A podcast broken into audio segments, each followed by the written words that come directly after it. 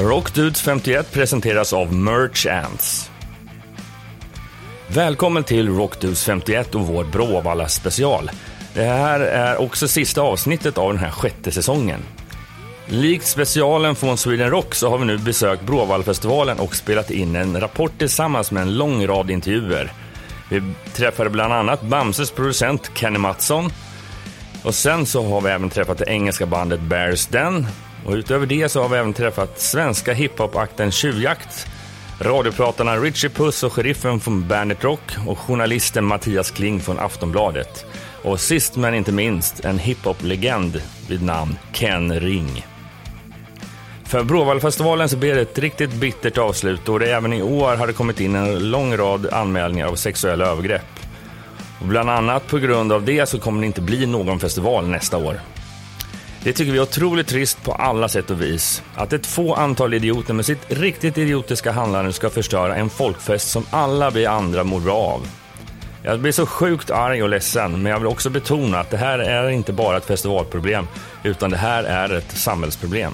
Och det är viktigt att vi i media belyser det utifrån det perspektivet i framtiden.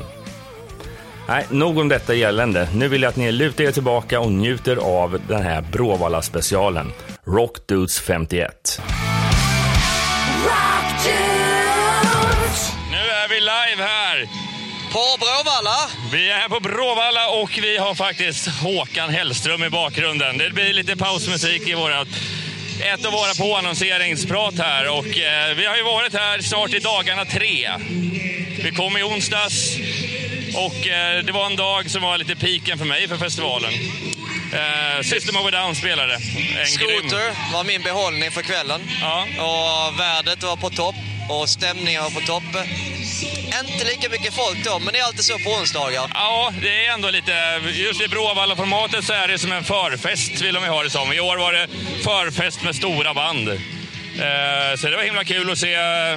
Alltså, den skaran som var här, de var här för den musiken som var här. Det var helt klart. Alla är så glada inför Håkan, det märker man. Nu hoppar runt, vi har skuttar. dansande tjejer omkring oss här. Det ser ni inte här Nej, kameran. de är- eller står bakom så kameran. är det. Vi, som sagt då, vi såg ju eh, eh, lite band på onsdag, men faktiskt vi kastade oss in i hetgröten ganska direkt. För att det första som vi upptäckte när vi kom hit, vad var det? Bamse. Bamse och hans vänner. och Bamse och hans vänner gjorde en Och dansuppvisning.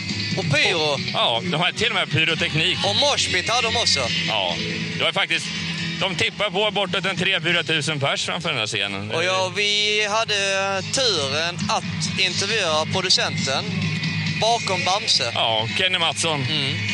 Och eh, han berättar lite om projektet och sådär. Så att, eh, Och hur det kom till. Från att se det i tv-rutan till en scen på Bråvalla. Precis. Och vi, den här, eh, bildmässigt så kommer den här visas eh, med hans prat, våran intervju tillsammans med bilder från deras konsert, Bamse och hans vänner. Så vi lämnar över ordet till eh, Kenny Mattsson.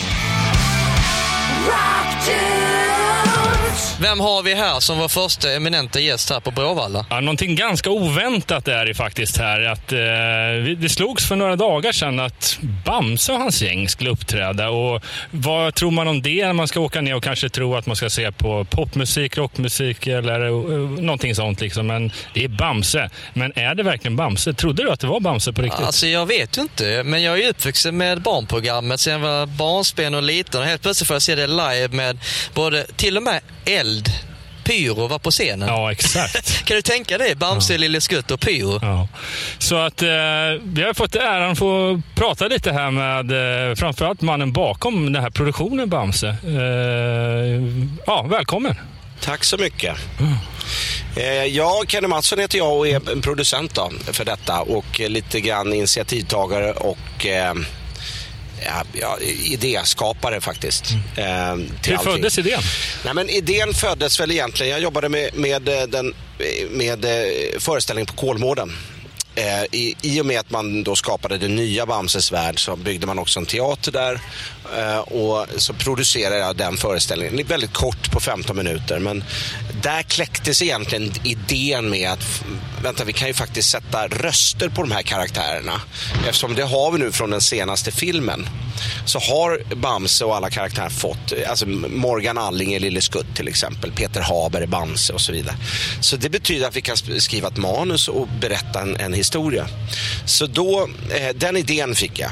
Och sen när, när vi väl repeterade så jag kommer så väl ihåg, vi var i Delfinarium, eh, alltså i deras källare har de lite sån konferens och vi körde ett genomdrag för första gången. Och då fick jag en sån här, du vet, ibland så var sköljs man över i hela kroppen. Man känner helvete. Det här funkar. Det här sitter som en smäck. Och då, sen var jag eh, i London för att vi skapade en ny, karaktär, en ny dräkt till en karaktär som heter Reynard Räv. Som aldrig har funnits. För, alltså, ja, för det, finns... det kom med de här senaste filmerna? Eller? Exakt. Ja. Men han har aldrig funnits i dräkt förut. Så vi, vi sydde upp en ny dräkt. Då var jag där med Ola Andreasson som är son till Rune Andreasson som äger då Bamse. Bamseförlaget. Så vi var där tillsammans eh, och tittade på den här dräkten. Och sen eh, så tog vi någon bärs efter och så sa jag till Ola, vet du vad Ola? Jag tycker vi ska ta Bamse ut på turné. Helt och absurt. Ja, och, det, och, och han, han eh, säger någonting i stil med ja, det ska vi. Och då föddes ju hela den här, liksom, att vi, vi ska, skulle göra det stort. Och det har vi då gjort. Vi har ju, herregud, eh, vi sålde 27 500 biljetter i Stockholm på, på Waterfront med, med den här eh, Bamse och världens starkaste man. Och sen har vi då skapat en ny föreställning som heter då Bamses eh, dans, eh, och, sång och dansföreställning som är en del av det här festival ehm, eh, gigget kan man väl säga. Vi har byggt på med lite mer låtar till Bråvallafestivalen. Vi har, bara för att hålla tempot uppe. Precis, för hur lång eh, är showen? För det var ju uppsatt tid med en timme ungefär. Ja, men vi körde en hel timme. Det var en hel timme, ja. och folk var kvar och dansade och sjöng. Så det var helt galet. Tror du någonsin du skulle stå på Sveriges största festival med Bamse och gänget? Ja, men det, det, nu ska det, det här är faktiskt sant. För när jag, när jag, jag brukar, jag älskar att jobba med målbilder. Man, man, liksom, man bygger upp någonting, man har en, en, en vision och man har en dröm kan man nästan säga. Och när vi började sätta klorna i det här med Bamse på turné så hade jag det här som målbild. Det var det? Ja. ja jag tänkte så här, fan, tänk man kunde få Bamse på stora scenen på Bråvalla. Jag har stått här när In Flames körde för ett antal år sedan. Så jag har sett hur det såg ut i det här publikhavet. Och, eh, bakom, alltså på scenen stod jag och såg det här. Och den bilden hade jag att jag skulle stå där, stage right. Och, och du vet, bara få vara med och och få se dessa glada människor som dansar och sjunger och, och fantastiska skådisar alltså, som då är i de här dräkterna. Och, eh, och så bara så hände det idag. Så det, det är på riktigt, det är, en, det är en otrolig känsla som sväper över en. Man är, är så jävla lycklig. Eh, och jag vet inte hur vi ska toppa det här. men, men, ehm, Internationell kanske? Är det någon kanske. turnering? Är Bamse internationell? Nej, Bamse är inte så internationell. Det är lite i Norge. Det är lite grann i det svensktaliga Finland. Ingenting i Danmark. Det kändes så. som att det kan bli en uh, större grej för att Bamse är väldigt förknippat med Sverige. Ja, men, uh, jag är stark, honung och så, alla de här karaktärerna i sin tur. Så att det är nog inte helt omöjligt. Det känns som en helt ny generation ja. upptäckte Ja, det, det, skulle nog med lite, lite kraft och lite jobb så skulle man kanske kunna få det eh, att eh, hända i världen. Eh, Kina eller Japan eller någonting sånt där. Ja, De gillar ju det där.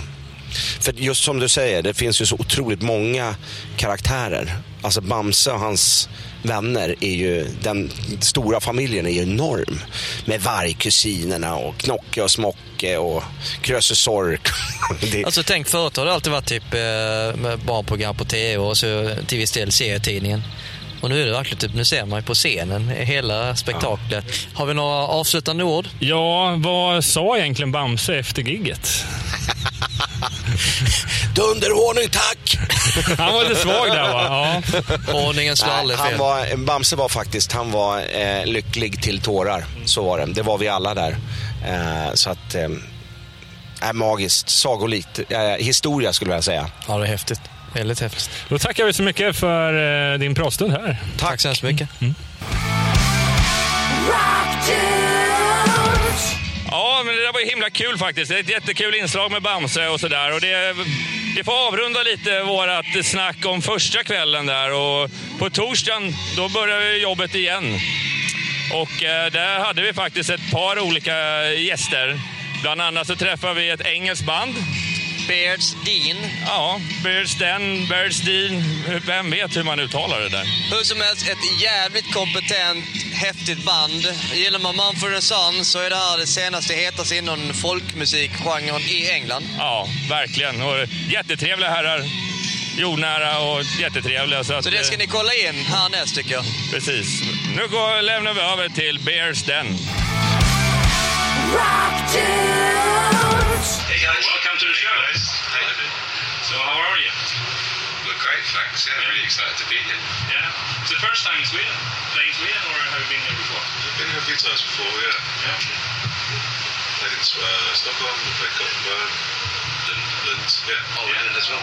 But this is like the is it the first festival or at least this is the biggest festival in Sweden? I mean, I think this is our first festival performance in Sweden. Yeah, like I'm just really excited, honoured to be here. So many amazing bands. So yeah, it's just it's, yeah, so excited. what are the expectations? It's like for tonight. Uh, Godward and you as a band as well.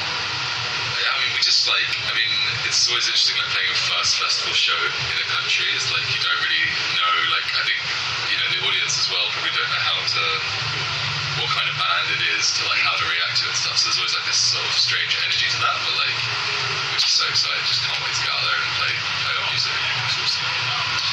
So you have been around the block with the band for three, four years, is it right? Yeah. So how did it all start? To become the Bears Den? Yeah, well, Kevin and I met like, about 10 years ago. Just like in different bands, playing music and just saying like bars and stuff. And yeah, we started like playing in the same bands, and then like about five years ago, we started this like as a new project. They were like, you know, what kind of thing do we want to do, and just started having lots of cups of coffee and tea and talking about what kind of music we wanted to make. Um, and trying not to make the same mistakes we'd made previously in other bands where we didn't think about it enough and like just thought it would happen or something and Like what? Give an example. I think just like kind of having a strong idea of the kind of band we wanted to be and the kinds of decisions that we would make as a band and stuff. I guess it's hard to like nail one specific thing, but I think one one thing we talked about was let's not be a band where there's a bassist, a drummer, a guitarist, a singer. Let's be a band where like we just do whatever is necessary to play the songs. Um, and so yeah, there'll be moments on our albums where Kev is playing piano and maybe drums, and I might be playing like a banjo or something like that. It's like it's really up for grabs. It's not something we set in stone at the beginning. It's like all about what does the song want, and then following that. So yeah. Does, does this mean that you kind of forced to pick up new instrument along the way, or Yeah, I mean, I wasn't quite as much as Kev, but yeah, well, I think so. Like, I think we're always learning. Like Davies, like we, we I think, you know, I, I, I learned drums to be in the band originally. Like, I couldn't play drums, but we decided we needed a drummer.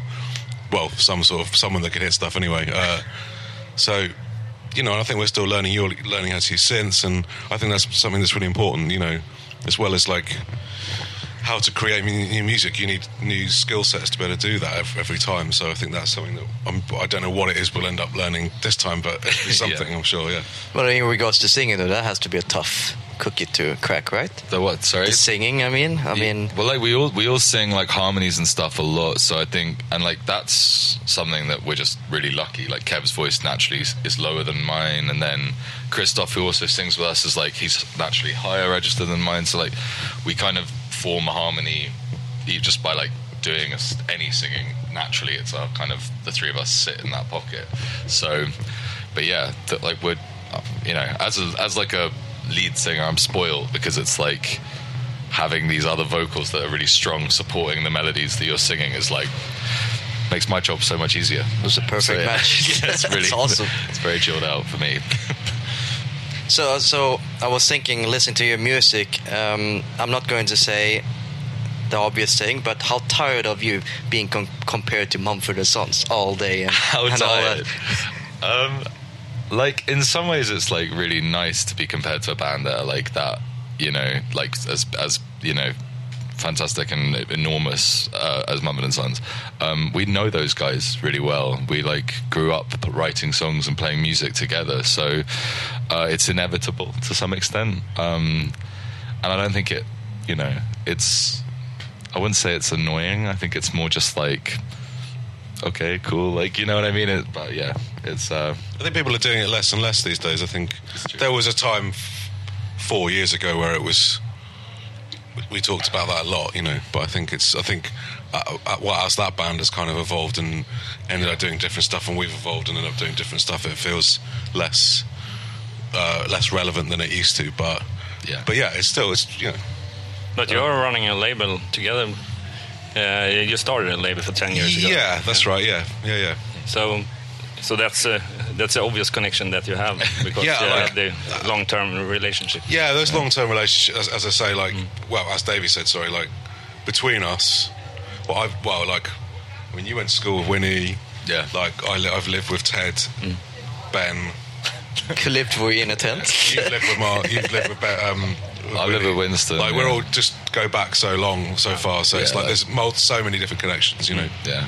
Yeah, yeah. So, what are your goals uh, with your music and the band uh, from now on? Do you have some? Yes. Yeah. it's quite hard to define. It's not like I don't know. We've we've always struggled with this. You Yeah. know, it's like what venue do you want to play or something like that. And it's like for us, I think it's more like we never thought we'd play this festival. You know, so like even being here is like beyond what our imaginations could conjure up. Like, so I think we've stopped having like those things there. We just kind of go like, right, well, how can we be better than we were yesterday as a band? It's like that's like what. Yeah.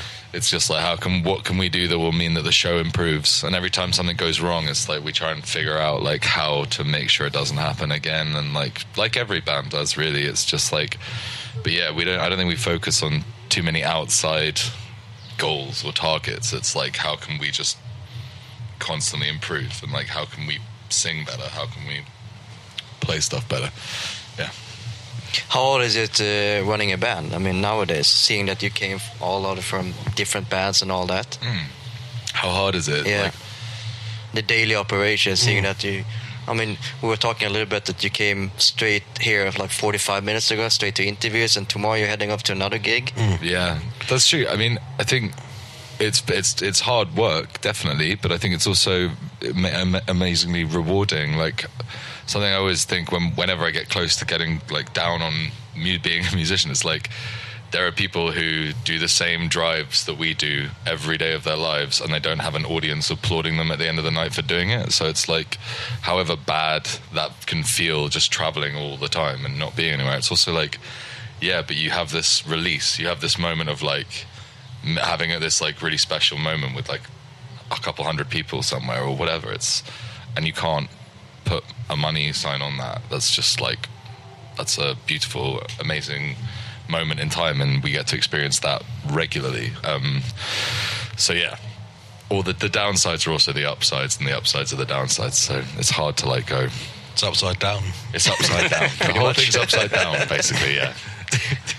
Uh, I, I was thinking about um, seeing we're on a Swedish festival. There's a ton of Swedish bands. Is there any particular bands that you listen to? Um, I wouldn't say influence, but Swedish music. We were chatting about this before. Jose Gonzalez, I think, is a big one for both of us. Like that record. Which one? Like the first one, the Veneer? first Veneer, record, yeah, Yeah, yeah. Veneer, that's one, wasn't it? Like, I mean, I think that just changed the game for like a lot of artists in the UK. It was like, yeah, like we just, I don't think, never really heard anything like it be that successful. It was like, yeah, it was pretty amazing. Yeah. And Well, then the cover, the cover of the, um, the uh, is it no? It's is it Kylie? No. uh, no, it's like, a, oh, who is it? It's amazing. Oh, isn't it? It's not. Is it Tears for Fears? No. No, that's not the one. I forgot the name as well. Forgot the name. F- I was thinking about it would be Robin or whatever, but no, it couldn't be. Ah, It's a great we'll, cover, We'll come anyway. up later Great on. cover. It's so good. Yeah, yeah, yeah. Like, um, but they're just amazing. It's just amazing. Sorry. Would that Yeah. be the obvious choice to uh, maybe tour it if uh, Perfect World or? But he's got other project as well, doesn't he? He oh, got yeah, Unip as well. Yeah, yeah, yeah, Like, I love that stuff Yeah, that's too. really cool, That sounds actually. really amazing. Like, yeah, like man, touring with those guys would be incredible. Yeah, like, yeah. I mean, incredible musicians. No, that's that's kind of interesting. I mean, uh, I mean, specific I was saying about targeting Swedish band, but you actually narrowed down to one specific artist that nobody really doesn't really care about here in Sweden nowadays. It's more outside. It's like Right. even though we released a new album, it wasn't really that successful. Right. Um, so seeing that you guys are kind of like. Um, really into that kind of music and that particular album He's the dude. Man. Yeah, I remember, I remember seeing He's the dude. seeing him at Hammersmith Apollo like six years ago. Just him in front of six thousand people in London or whatever. Like that was crazy it was amazing. They really like had a big effect on a lot of songwriters. I think. Definitely, definitely. you were included as well Yeah, yeah, like Yeah, yeah. it's just like it's it's um it's really like it's beautiful music, but it's also very intricate and very clever. Like it's the, The guitar playing's guitar playing is- ridiculous. yeah, it's astonishingly good guitar playing, but it's also really I don't know. It's really um it it is still pop music, I guess, because it's just the melodies are so beautiful and so s- subtle and so yeah. It's like he's a genius. Like really, like I mean, he's genuinely that good. So Yeah. yeah, like Yeah, he seemed to be a really like a genius in in, in many ways because Yeah. he uh, has a high intelligence about science and Oh, things really? like that. Yeah. Right. Yeah, well, doesn't surprise Well, me. uh, we hear that in education is something. I forgot Yeah. what it was. Like, really, music was his secondary choice. Yeah. right, right. it was Yeah. by Well, accident. he's by one fault. of those. Is he? he can do everything. But see, but see, I like him a bit less now. we should pick up someone else. big bars. Yeah. I was thinking about um, fan-wise, seeing that you're from the UK. How's the scene over there compared to here? Would you say there's a difference in, well, Just in how audiences yeah, in, in some way, yeah. I mean, Swedish audiences for us have been pretty amazing. Uh, the show we did in Go- Gothenburg in particular, I remember being so fun and so great. Um, I think generally British audiences maybe a little, well, I don't know, a bit more reserved or not quite as vocal. British, the British, us Oh, oh, they're included, spoiled. we're a little bit more like I don't know what the word is. Yeah, like It's hard, you have to work a little harder to, Yeah, to get it- impress, to- yeah. yeah. To break the wall, or Yeah, yeah, like I think we're just quite naturally like Yeah. dispositioned to be a bit more shy or something. So it's like people when you play are often a bit stiffer in England than they might be in somewhere else. But but in terms of like general music scene, I think it's really similar. To be honest, looking at the lineup here and like the lineup at festivals in the UK, it's not drastically different at all. But yeah, Yeah, great musicians coming out of Sweden. Like, yeah, it's Well, amazing. in the end, it's great music is great music, right? yeah, exactly. Pretty Yeah. much. Doesn't matter where it comes from. that's excellent. So, so guys, uh, any last word for the fans, the viewers out there in Sweden? Just Keep thanks on. for being legends, and uh, we'll be back as much as we humanly can be. So yeah, Thanks so much, guys. thank you. man. Thank you. Ja, det där var alltså det engelska bandet Bears Den. Och eh, vi träffade ju faktiskt, tack vare dig Ömer, ett band till igår. Eh, med ett ganska roligt bandnamn. Och unga killar som, eh, som spelar hiphop. Det heter Sinne Hiphop för tillfället från, från Lidingö. Grabbarna Tjuvjakt. Tjuvjakt ja. Och det, vad tyckte du om intervjun?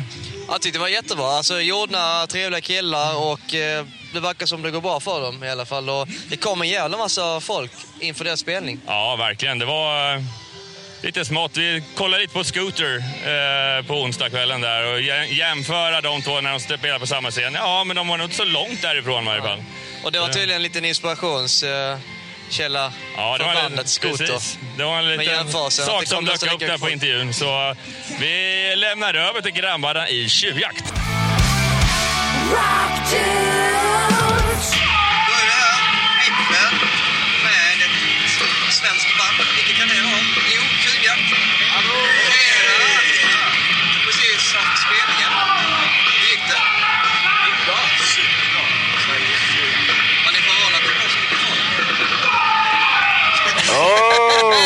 Oh, nej men vadå, lite förvånad var man ändå.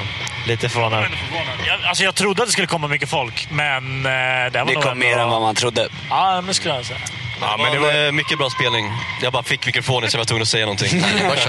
Nej, men det var ju lätt. Jag tycker det var den bästa spelningen i år ändå. Typ, alltså. Absolut, det, var tycker jag också. Lätt. Var ni nervösa? Ni spelade ändå på Sveriges största festival. Ja, på en alltså, bra jag har varit lite, varit lite krasslig under dagen. Sådär. Så, Ja, precis. Man har varit nervös för kanske sin rösts skull, Ja, men men, inte så, typ. mycket. Vi, vi har spelat rätt mycket. Det har, man har vant Lite, sig lite lite. nervös dock. Vi spelade lite låtar från eh, vårt nya album som vi typ inte har spelat förut. nej. Vi spelade dem en gång igår. Eh, hade vi också gig. Och då var det verkligen första, första gången. Så vi har aldrig repat eller någonting. Så det var jag lite nervös Ja. över. Same. Absolut. Men, det man kändes är- okej när vi väl gjorde Men det. det är det som är så sjukt, för man är ju alltid nervös eh, inför ett gig, när det är, speciellt när det är så mycket folk.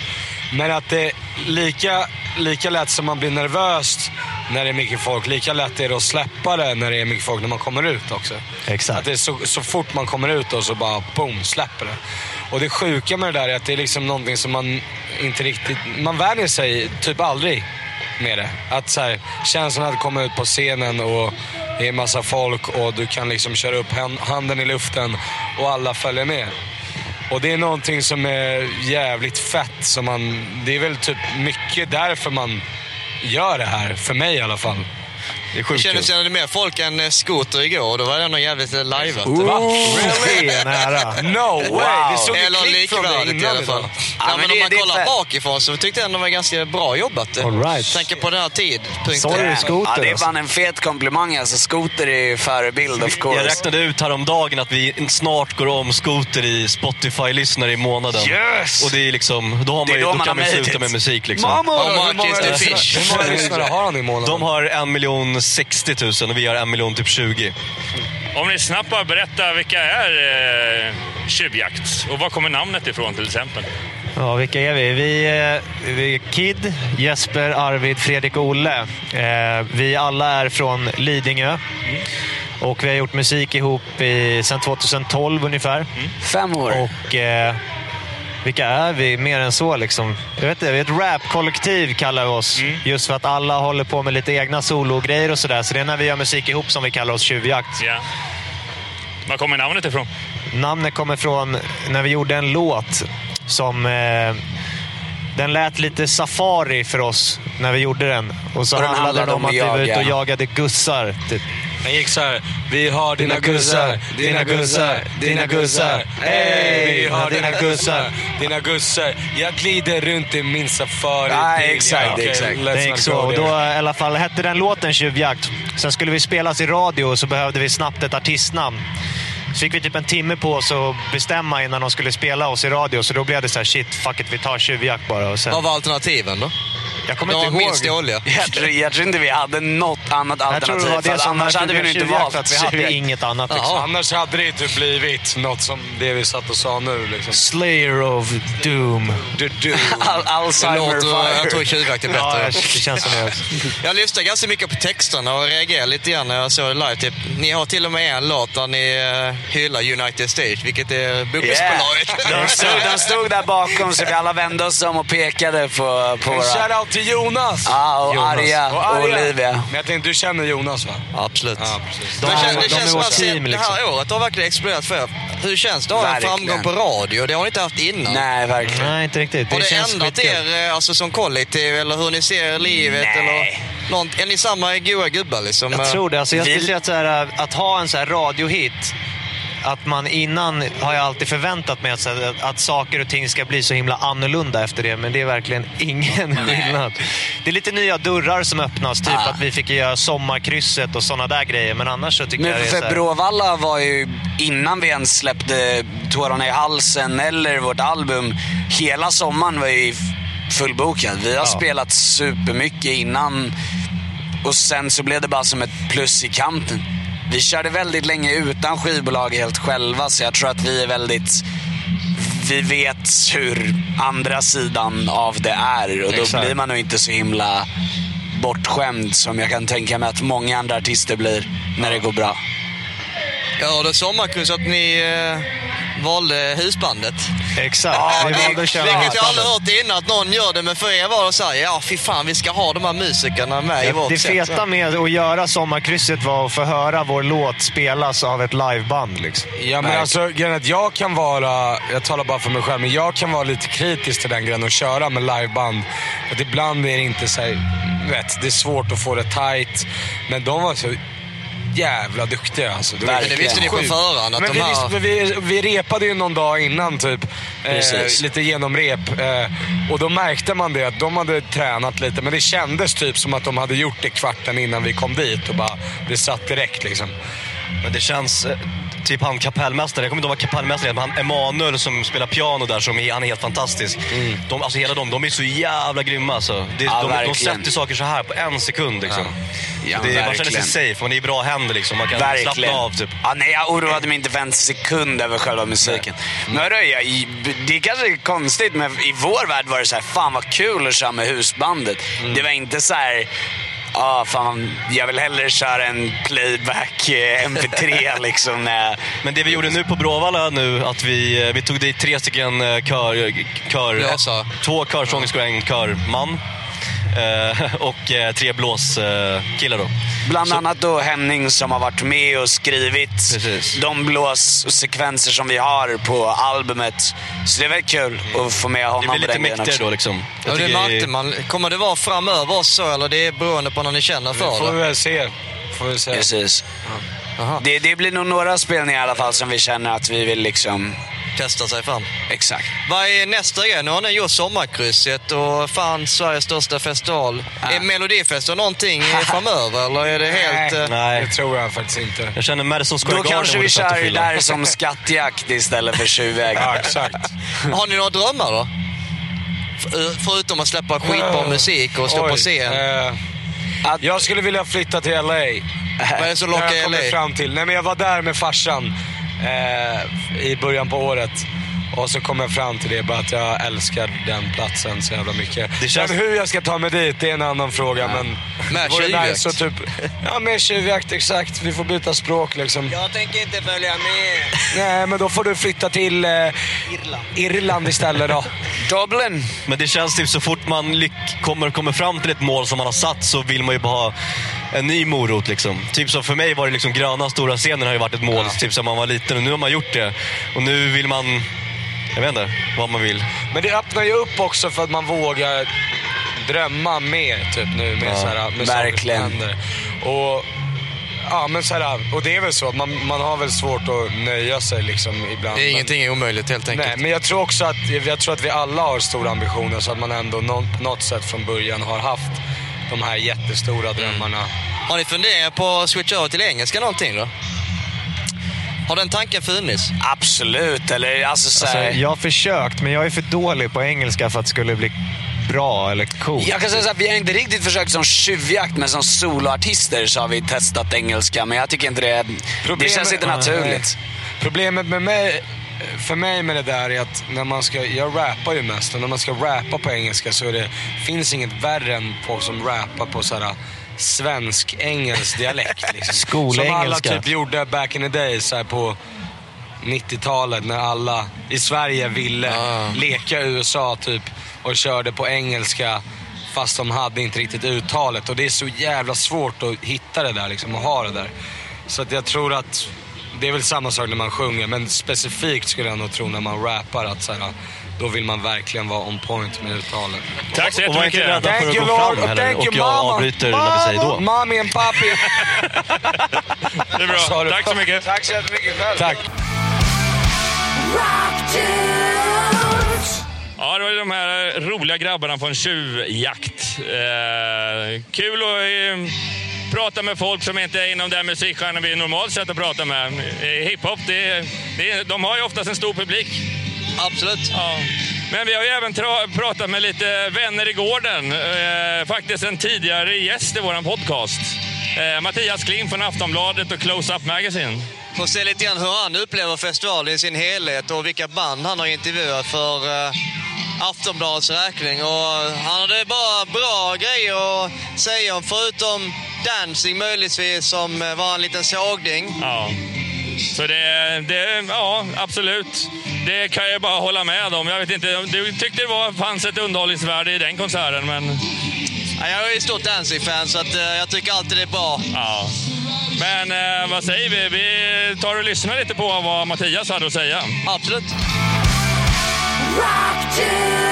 Då är vi här på området, mitt i smeten med Klingan från Aftonbladet. Ja, Mattias Kling som jag Precis. även är döpt till faktiskt. Smeknamn. Ja. Var, var är det vi står någonstans? Vad ser står, vi omkring oss? Vi står väl typ mitt i eh, festivalområdet helt enkelt. Du har största scenen där. Har vi snett Näst största scenen där. Ett tält och ett litet tivoli. Så här. Har du eftersom- uppmärksammat att det har blivit lite förändringar här på området scen- med scen, scentält, eh, tältscen? rättare sagt? Ja, naturligtvis. Det, det är ju tältet där borta som är nytt för i år. För jag vill minnas första året så hade de ju också tält fast det stod där borta då. Och sådär. Så. Vad tycker du om tältformatet? Jag tycker det är, principiellt är det nog bra. För det är ju lite problematiskt med så här dagsspelningar och eh, för att få någon speciell feeling. Speciellt om det är som igår när det var gassande sol och sådär. Så eh, ja, jag ser med spänning fram emot det. Men jag har inte hunnit se något där än. Vi är som sagt inne på dag två, eller första riktiga dagen så att säga. Nu var det ju en riktigt bra inledningsdag igår med Mm. System of a Down. Men det var ju en annan, vi inledde ju med ett ganska spektakulärt nummer som vi inte har sett på festival på ett tag igår. Nej, alltså det får man väl säga är eh, Bråvalla-festivalens motsvarighet till Electric Banana Band på Hultsfred. Ja, exakt. Eh, när det begav sig, hans vänner. Och det var ju eh, fantastiskt jättekonstigt och fantastiskt jättekul. Ja, det var ju mycket folk framförallt också. Ja, absolut. Och det, det är ju barnvisor Ja. till en tonårspublik. Alla kan ju huvud, axlar, knä och tår. Han satte foten i en potta. Och Jag reagerar på att de hade moshpit och pyro. Ja, absolut. Men nu, det är ju så. Det är ju världens starkaste björn. Så. Det kändes som en eh, hårdrockkonsert fast ändå på barnnivå. Det var lite så här udda inslag. Ja, personligen så tyckte jag det var lite tråkigt att vargen inte tog mer plats då. Men eh, jag vet inte om det var någon slags kompromiss där eftersom Lille Skutt är så ängslig av sig och blir störd om vargen kommer i närheten. Men så har de ju med en, för oss, eh, för vår generation, en ny figur. Någon räv, Reina Räv eller vad han heter. Ja, Reinhard Räv ja. Han eh, rockade ju på rätt bra. Han var en riktig rockstar wannabe där nästan. Ja, absolut. Om vi kollar på resterande artisterna som spelar i år. Har du um, någonting att se fram emot då misstänker jag? Artisterna i sig, är det stor skillnad från förra året tycker du? Det, det håller väl liksom en ganska stadig nivå på när det gäller hårdrocksakterna. Det är samma blandning det alltid har varit. Det är lite metalcore. Nu ställde ju tyvärr uh, uh, Of Mice and Men in. Ja, det kom Eh, väldigt i- sent in på. till och Ja, precis. Det kommer tio minuter efter de skulle ha börjat, så det får man ju säga är väldigt sent. Men Jag tänkte på trashen i sig. Kreator. Ja, är det ett udda inslag? Egentligen inte. De har ju alltid kört, liksom, de har till exempel haft Arch Enemy för några år sedan. Så de försöker ju, vad det verkar i alla fall, få en blandning mellan gammalt, nytt, hårt, mjukt och ja, mellan dance, mellan hett, gammalt. Så. Uh, egentligen inget överraskande. Det som jag tycker i så fall är mest överraskande är Dark Funeral. Ja, verkligen. Det... Lite black metal. Ja, precis. Som verkligen sådär ärke-black metal som verkligen har anammat uttrycket med corpse paint och lädersköldar. Och de är ju strategiskt nog placerade i det här tältet vad jag Ja, precis. För Det hade ju varit helt onödigt om de hade stått klockan två på eftermiddagen här ute i gassande solsken. Eller, ja. En annan legend som spelar, Danzig. Ja, exakt. Han eh, öppnar ju nästan den här kvällen eh, idag, torsdag. Ja, det, det får man ju säga. I alla fall har vi ju lite större akter. Du har ju uh, Gogol Bordello innan. Det är intressant. Som börjar om en timme här. Det blir ju säkert klämmigt. Ja. verkligen. Linkin Park ser jag fram emot att kolla. Det är lite...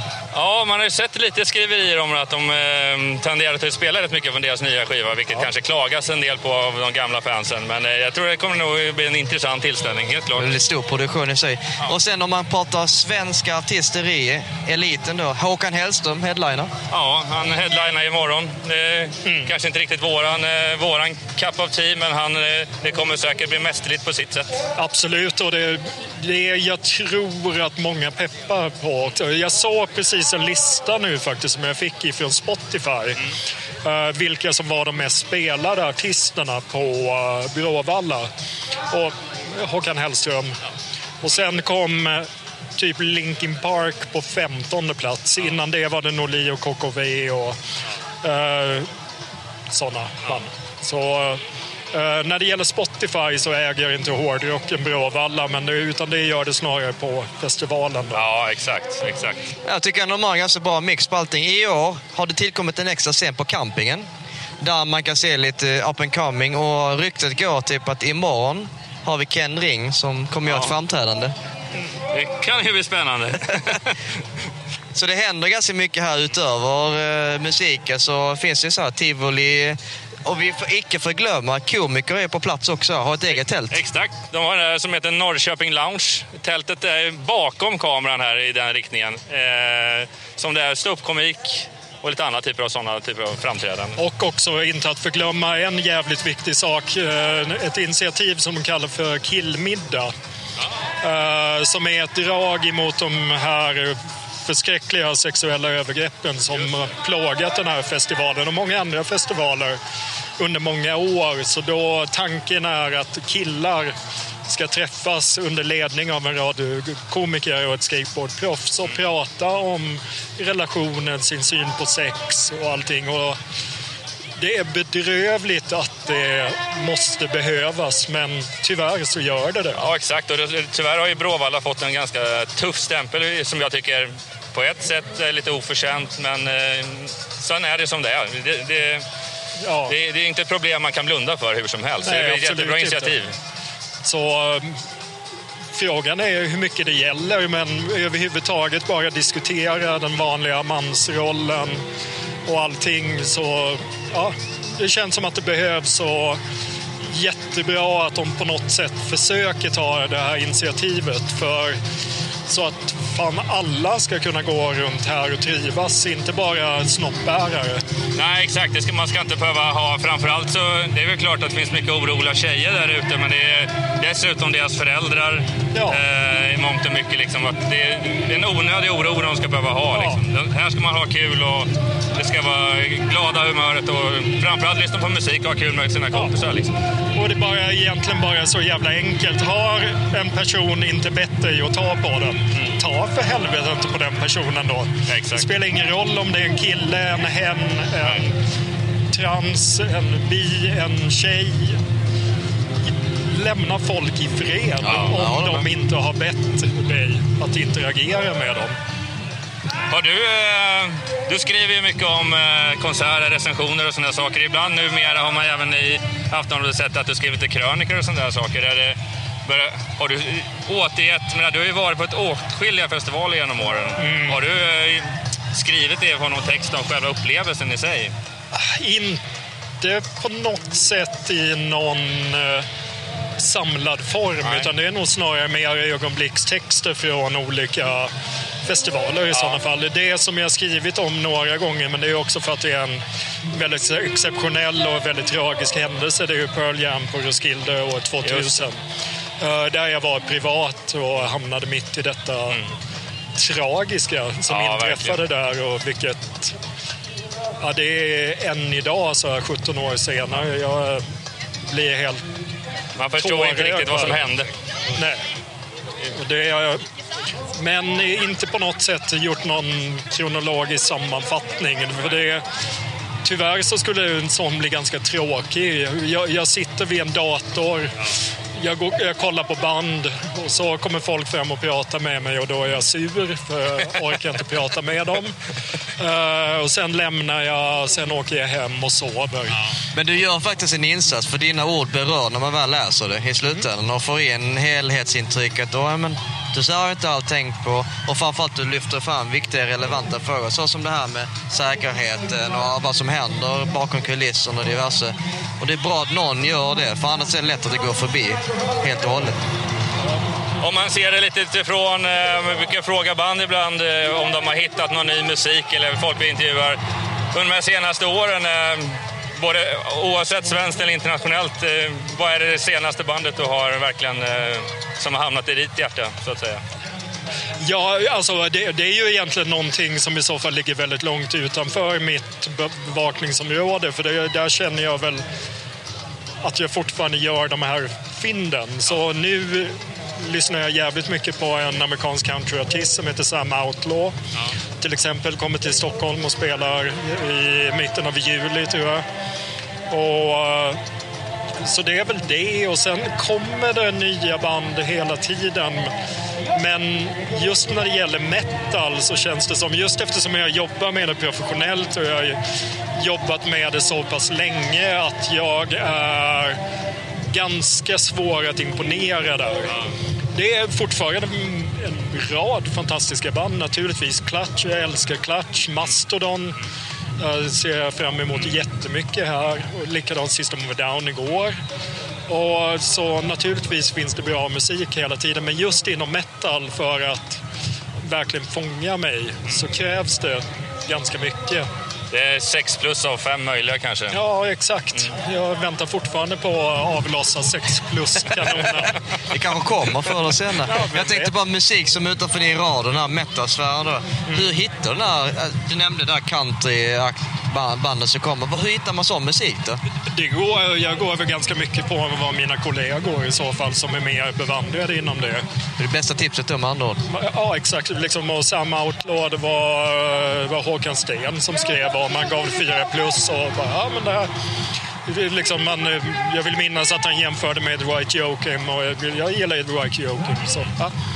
Naturligtvis så lyssnar jag på det. Annars så är det väl ganska sällan att jag hittar något själv inom den genren. Utan jag, jag använder eh, mina kollegor som andra kanske använder mig.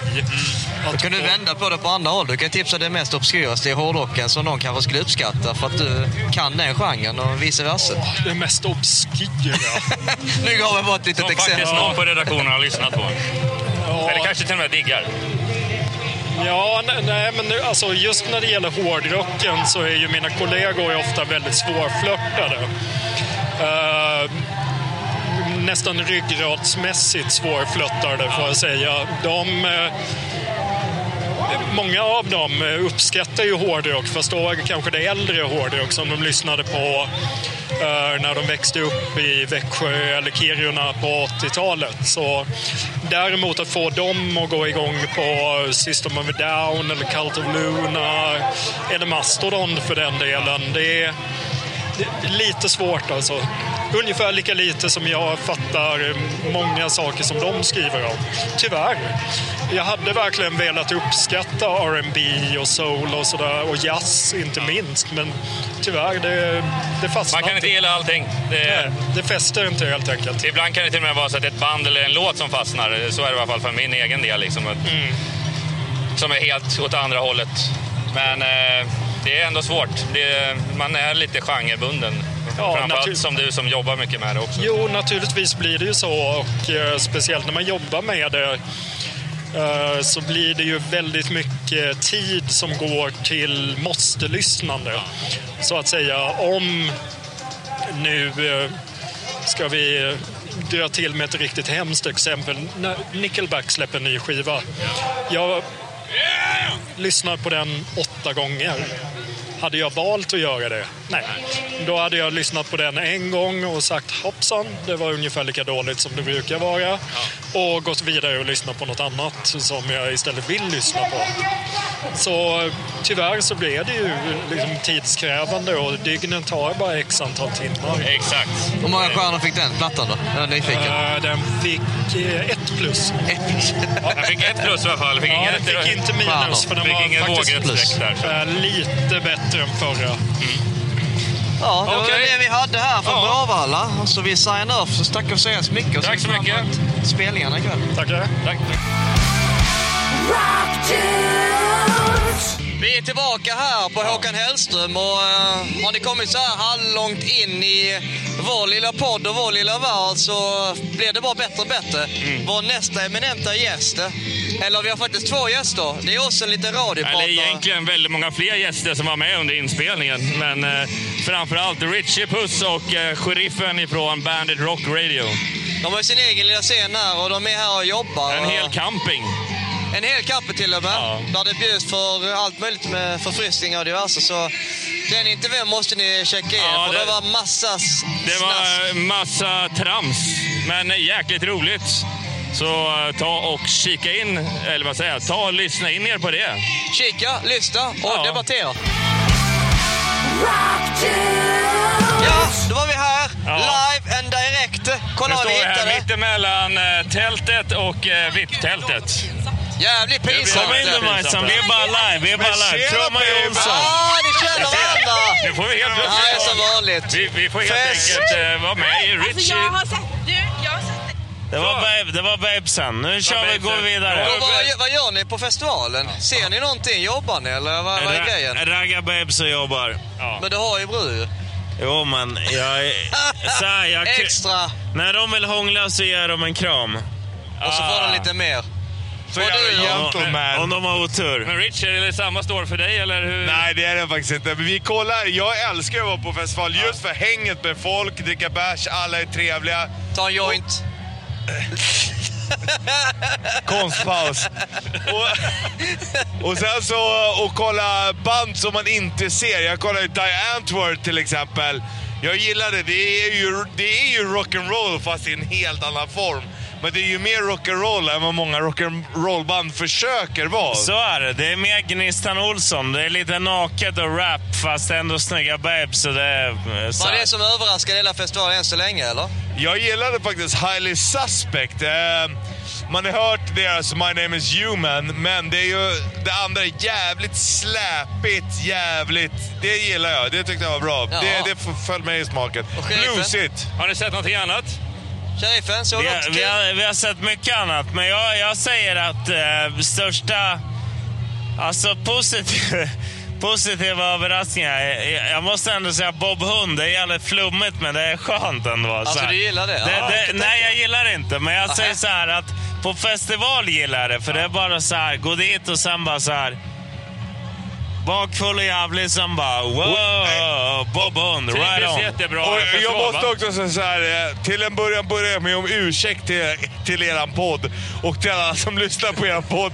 För det här som vi snackar, den här skiten går ju aldrig att använda.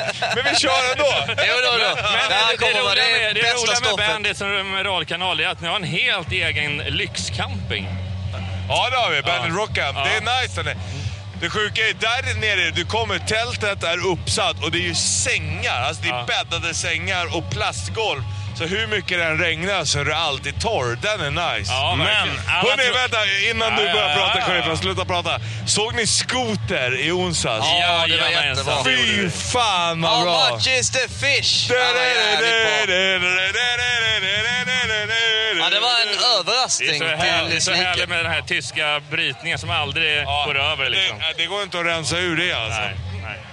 Hur är stämningen ute på en sån här lyxcamping där allting är förberett till skillnad från eh, pöbens camping? Det är, inte så, det är lyxigt på ett sätt, men det är inte så jävla lyxigt på många andra sätt. Det regnar ju där med liksom. Ja. Så Ja, folk... eh, inte komma ifrån. Så vi säger så här, folk har ju en sombrero på 50 centimeter utöver tältet liksom, där de kan sitta och, och jamma liksom. Det, är- Men det regnar inte in i tältet? nej, det gör det inte. Men, eh, Om de men har det är glömt att stänga stämning. så regnar det in. Det är som överallt annars. Det sköna är att det är ju li, lite lugnare, lite mer cleant. Fast det är ändå en camping. Det är Men schysst så, så här är det också, att det blir ju lite mer gemytligt. För att vi har ju minglat runt här sedan dag ett och lärt känna folk ytligt, kan man säga. Så att när vi kommer gående och morsar på folk så är de responsive liksom. Det är ju... De bjuder dig på öl och shots med andra ord. Ja. Åh jävlar. Men sen har vi också en kramar. egen scen. Så här, vi har ju haft nere några band, så här, Highly Suspect, mm. Mando Diao, Danko Jones kom förbi. Eh, jag var på att intervjua Linkin Park igår. Så, här, så de, och de flesta kommer ju faktiskt ner till campet och Alltså hänger. De lirar en Mando Diao, lirar en låt och bara kommer dit och dricker en bira och, och chillar. Det, det är soft. Men Linkin Park då? De kommer inte? De sket i er? Nej, de kommer inte. Men vi fick faktiskt träffa dem. Och Ja. de är jävligt trevliga faktiskt. Det ska de ha. Bjöd de på sh- shots eller? Nej? Nej, men de bjöd på shorts. på, riktigt, på riktigt så pratar vi om väldigt mycket shorts. Chester Bennington in jeans shorts. Ja, det sjuka var att de sa det så här, för att de bor ju på, i Kalifornien, ett rätt varmt ställe. Han bara, nej men jag har alltid jeans. Jag bara, hur fan går det ihop? Alltså, som det är här nu, så här 13 grader, det är shortsväder. Det är mitt i sommaren. Och de bara, men jag har aldrig shorts även fast det är 35 grader. De har alltid jeans. Det, Tittar han på dig då så har du shorts. Så Året kommer om. de med shorts, hur kom sig det då? men de kom inte shorts, utan de sa bara att de absolut inte hade shorts. nej, nej, nej, han sa att han gick igenom en fas. Ja. En rebellisk fas och då hade han shorts när han var liten. Fas typ, så här. tre. Ja. Ah, intressant. Var det några mer intressanta samtalsämnen eh, som inte den vanliga journalisten ställer? För ni är inte, inte några direkta vanliga journalister. Nej, vi är absolut inte utbildade journalister, det kan man inte ge oss. Men prata om shorts och konstiga saker de har ätit pratar vi om. Ja, ja, ja, vad roligt. Så här, eh, mi, äckliga, jag vet inte, jag förstod inte ens vad det betydde, men det var små äckliga ägg som luktar skitäckligt. Men de åt. Och då tipsade de också om surströmming gjorde jag. Jaha. Ja, det gillar vi inte. Har ni, alltså, det borde ni göra som en grej på festival. Ja. Surströmstestning. Ja. vet du hur man öppnar egentligen en surströmmingsburk? Man öppnar den hos grannen så att man själv slipper känna det. Ja, bra I Allan. en eh, spann med vatten säger vissa. Ja, exakt. Under vattnet. Det är helt korrekt. Ja. För då luktar det minst. Fast det luktar fortfarande skit. Vad händer senare ikväll då? Som avslutningsvis? Um, Däcka? Ja, vi, vi ska väl dricka lite mer grogg med lite tur. Vi har ju druckit upp det vi har och fått mycket stulet också, det vi hade med oss. Så eh, tanken är väl att vi ska gå till Bandit Rock Camp och vara lite, inte, inte tiggiga, men mingliga och säga så här. Tjena babes, har ni någon... Finns det över? Eller tre.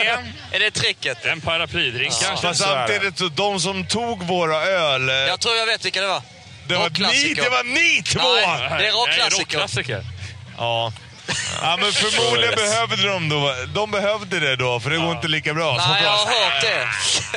Ni är ensam radiokanal i Sverige och har en egen rockcamp. Liksom. Ja, Så ja, det är rätt coolt ja, faktiskt. Ni måste komma förbi och hänga. Ja, Vi det kommer sen göra. efter den här Vi intervjun. På efterfesten ikväll innan Ja. vi drar Lätt. vidare. Det kör vi på. Gubbar, tack så hemskt mycket för din närvaro. Det Tack själv. Vi får se om ni kan tillståndet. använda något av den där skiten. kommer Men... gå jättebra såklart. De, de Bra, sista, bra tanke på intervjun då. sista fem sekunderna kan de använda. Wow. Right on, right on everybody.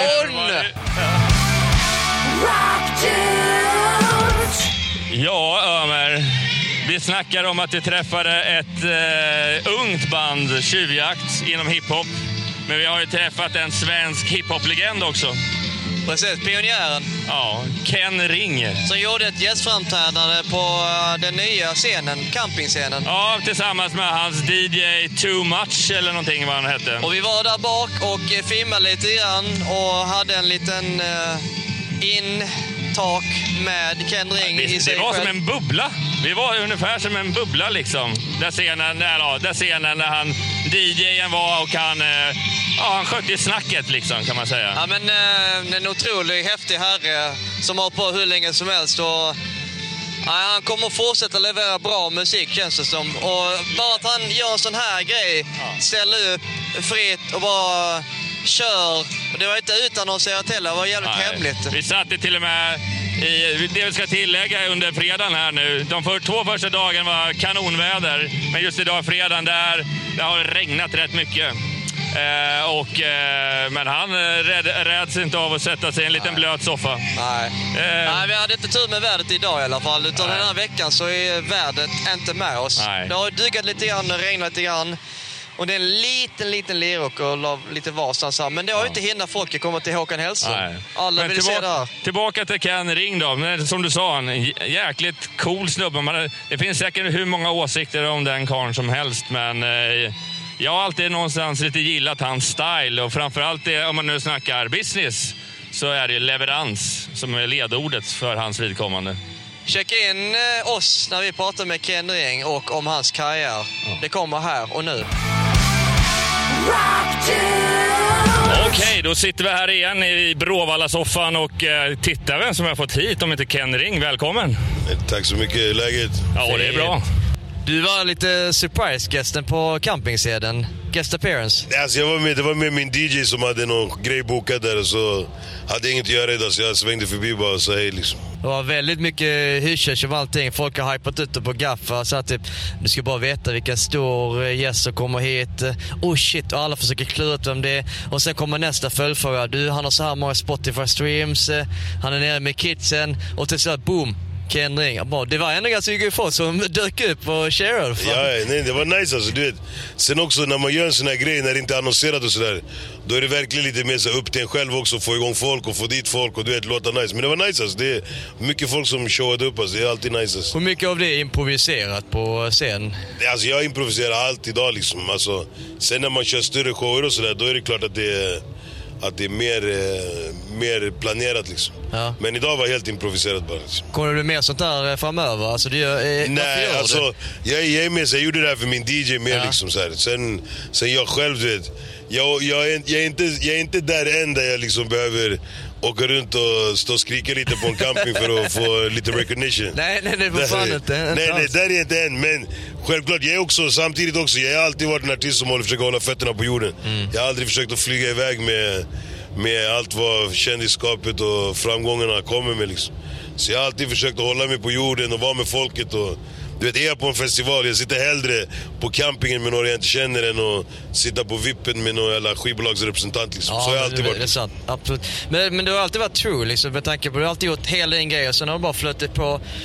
Nu har det hänt lite grann. Alltså, ditt break har ju kommit hela tiden känns det som. Och då vill jag bara säga så här, hur känns det från att vara i Hässelby och sen kommit in i finrummen, hiphopens finrum, om du fattar vad jag menar? Nej, alltså du vet, jag vet inte, många ser det som så här, finrummet men jag tror mer att det handlar om så här, typ att vissa människor investerar i sig själva liksom. Och andra människor investerar i andra och i, i hur de ser ut och hur de gör och vad de har och bilar och etc. etc du vet. Jag har alltid investerat i min egen karriär. Jag har alltid köpt en bättre mikrofon, alltid köpt liksom syntar och hållit mig liksom med musiken för det är det jag håller på med. Och du vet, håller man sig till musiken då kan man ha en lång karriär som helst. Du vet. Men om man är om man är beroende av att folk likar ens inlägg på Instagram, liksom, om, det, om det är det som bygger din karriär, du vet, då kommer din karriär vara rätt långvarig. Eller kortvarig, för då direkt när Instagram lägger ner, då är din karriär färdig. Liksom. Men jag försöker att liksom ha en så här, försöker hålla mig på jorden men samtidigt också se till att jag är effektiv i studion och gör bra musik. Det är det som jag tror är essens av att vara musiker. Göra bra låtar liksom. Man ska inte göra ett album bara för, att, bara för att folk vill ha ett album. Man ska göra ett album för att man har något att säga liksom. Tycker jag i alla fall. Men bara det senaste året så har du varit ganska produktiv. Du har släppt både album och ett par stycken EPs. Ehm, hur har det varit? Nej, alltså inte bara det. Sen har jag liksom, jag, håller på att odla chili i Afrika, jag har hotell, jag har eh, två kaféer i Sverige och jag så, här, så det är mycket annat också. Men, Hur prioriterar du? Nej, alltså jag försöker att... Jag försöker att, att, att, att liksom så, här, så fort barnen inte är hemma, då försöker jag jobba. Sitta på datan och jobba, jobba, jobba. Sen när barnen kommer hem, då är jag med dem. Sen när barnen har gått och lagt sig, då jobbar jag med musik istället. Men du har rutiner, eller hur? Strukturerat så här, typ pang så Ja, nej, alltså jag vaknar på morgonen, jag kör barnen till dagis, skolor och sådär. Sen så sätter jag mig på datan hemma och sen så bara sitter jag och svarar mail fram till lunch liksom. Och bara mailar och googlar och kollar och gör alltså office work liksom. Sen när barnen kommer hem vid två, tre, då är jag med dem till sju, åtta. Sen när de ska gå och lägga sig, då drar jag till studion oftast. Och så börjar jag spela in med folk och jobba fram till 12, du vet, tre, fyra. Jag, jag, jag är ganska snabb i studion så jag behöver inte sitta i tre dagar liksom. Utan det räcker fyra timmar för mig att göra en låt liksom. Så jag är hemma vid 12 igen, samma rutin hela tiden liksom. Och jag tror, att det, jag tror att om man inte lägger in det där hårda jobbet i studion så kan man aldrig behålla en lång karriär. För att när, nu till exempel skulle jag, gud jag säger inte det, men skulle jag dö i natt liksom, då har jag minst sex album osläppta som ligger liksom. Så minst, du vet, som ingen har hört liksom. Och det är det, för om man alltid är i studion så har man alltid musik vet. Men vissa människor går till studion bara för att bara för att liksom, ah, nu måste jag släppa en låt, nu måste jag ha en singel ut och nu börjar mina streams gå ner lite och det. Men jag är inte sådär, jag är, jag är mer såhär, är det viktigaste för mig då att kunna du vet, framställa ett bra verk i studion. Och att se till att pianisten är den bästa i hela Sverige. Sen om han tar betalt svart eller du vet om han tar betalt i rök eller vad fan du vet. Men, så ska man kunna se på men vet vad det än är så är det oväsentligt. Så länge det är Sveriges bästa pianist som sitter i studion med mig. Och du vet, och, och, och det, jag tror att det är det som är... Jag, alltså många, så här, många har mycket förutfattade meningar om mig. Och det är mycket så här konsertarrangörer, mycket folk som har rykten och du vet så här hiphopnördar och sådär. Men om du pratar med producenter och musiker och de som faktiskt är det viktigaste elementet för en musiker att ha i studion. De människorna har ingenting illa att säga om mig. För de tycker jag är den mest professionella som finns. För att jag lever och dör för musik. Och jag lever och dör för passionen av att sitta i studion och göra musik. Och, och det tror jag är... Det tror jag personligen är det som har gjort att jag fortfarande, album 14, står här och faktiskt blir ens att någon som er, jag vet inte ens vad ni har för jävla podd men, men liksom att, att ni ens är intresserade av att intervjua mig. Och det är liksom, det är ganska, det är ganska så här, det är ganska annorlunda. För, Det är en skön människa- känsla. för man, måste, man får inte glömma, du vet många människor de tror att jag, att jag har liksom en karriär där jag har haft så här massa medgång och. Du vet egentligen, kollar man på så Själen av en vän till exempel. Den låten har spelats 11 gånger på, totalt på alla svenska radiokanaler som finns.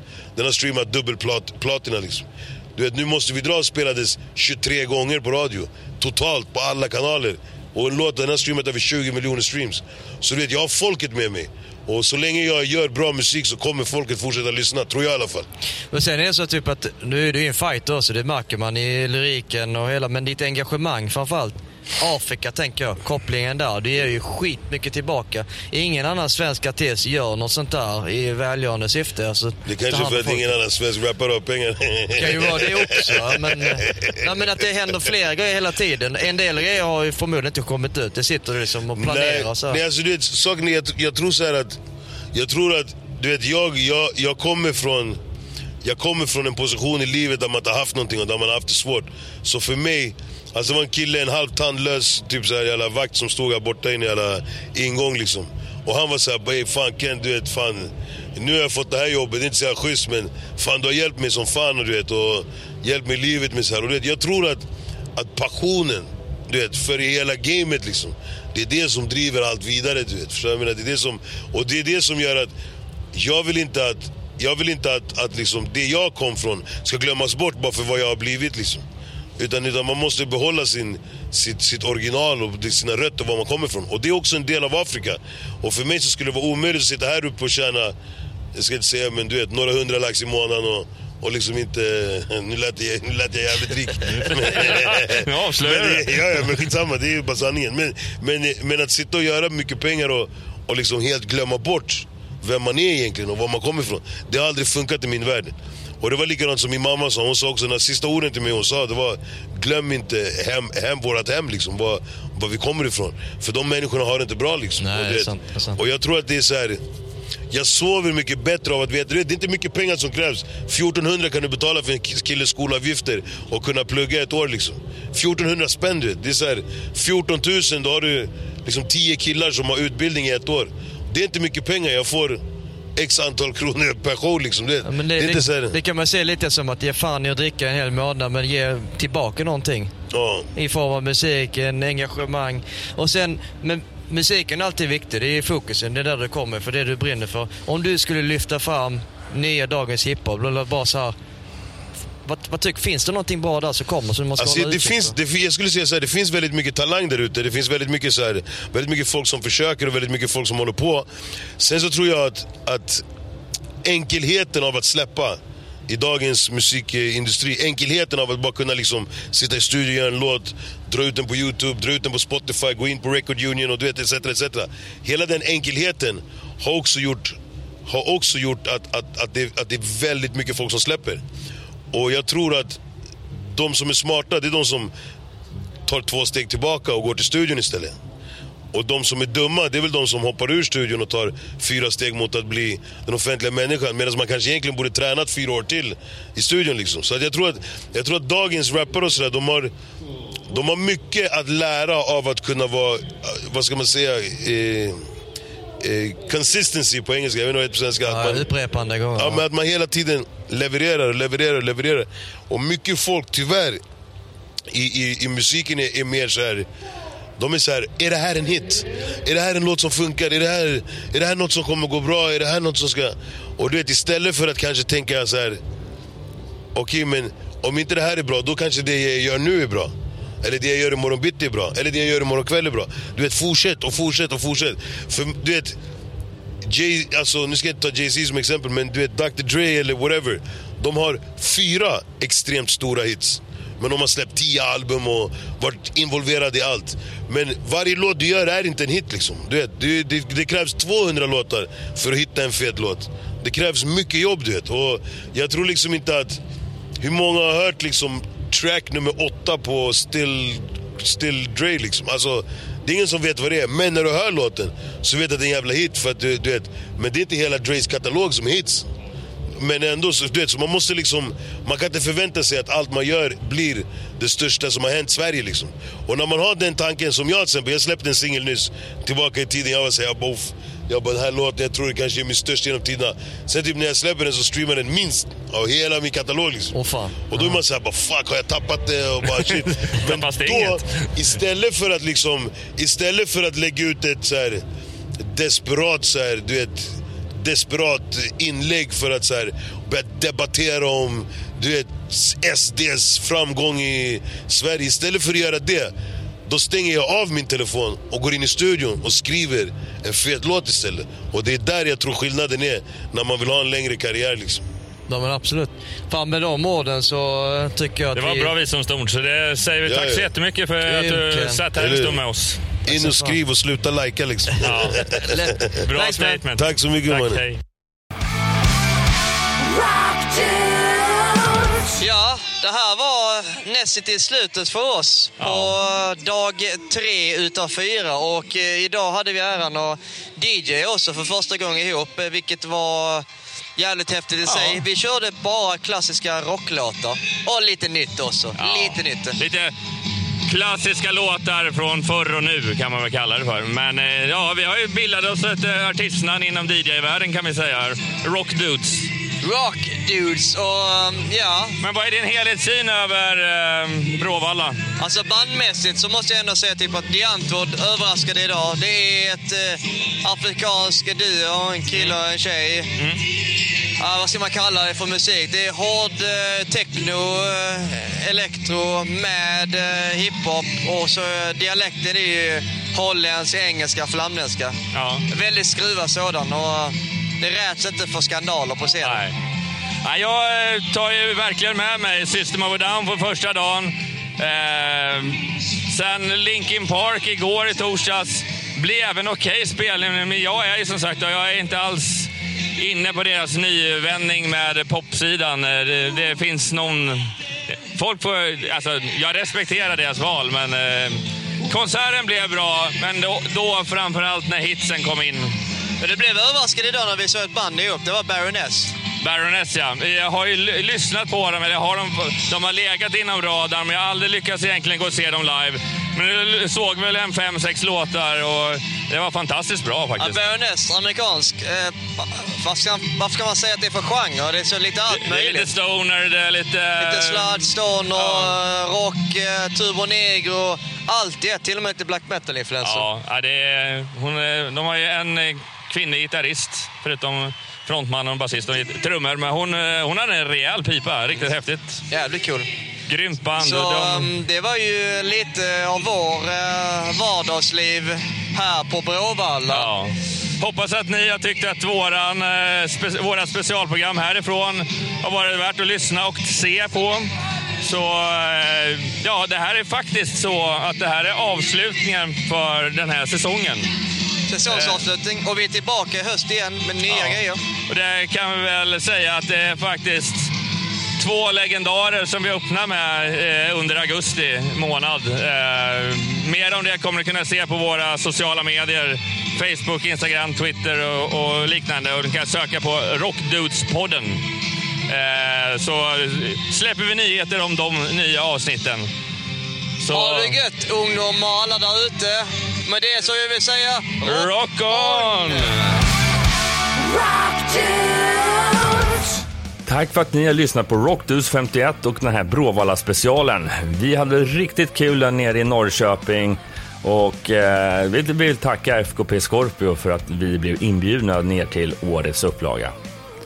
Du glömmer inte bort att följa oss på sociala medier som Facebook, Instagram, Youtube och Twitter. Sök på Rockdudespodden.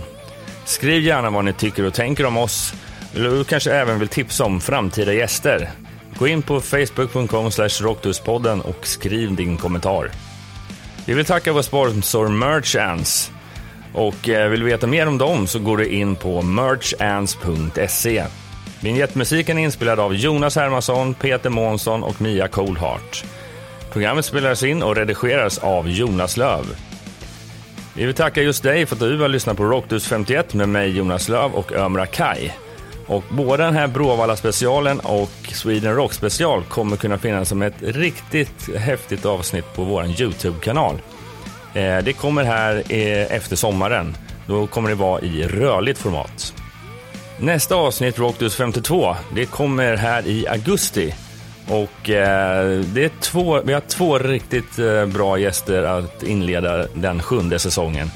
Eh, vilka det blir, det får ni hålla koll på våra sociala medier. Så fram tills dess, rock on!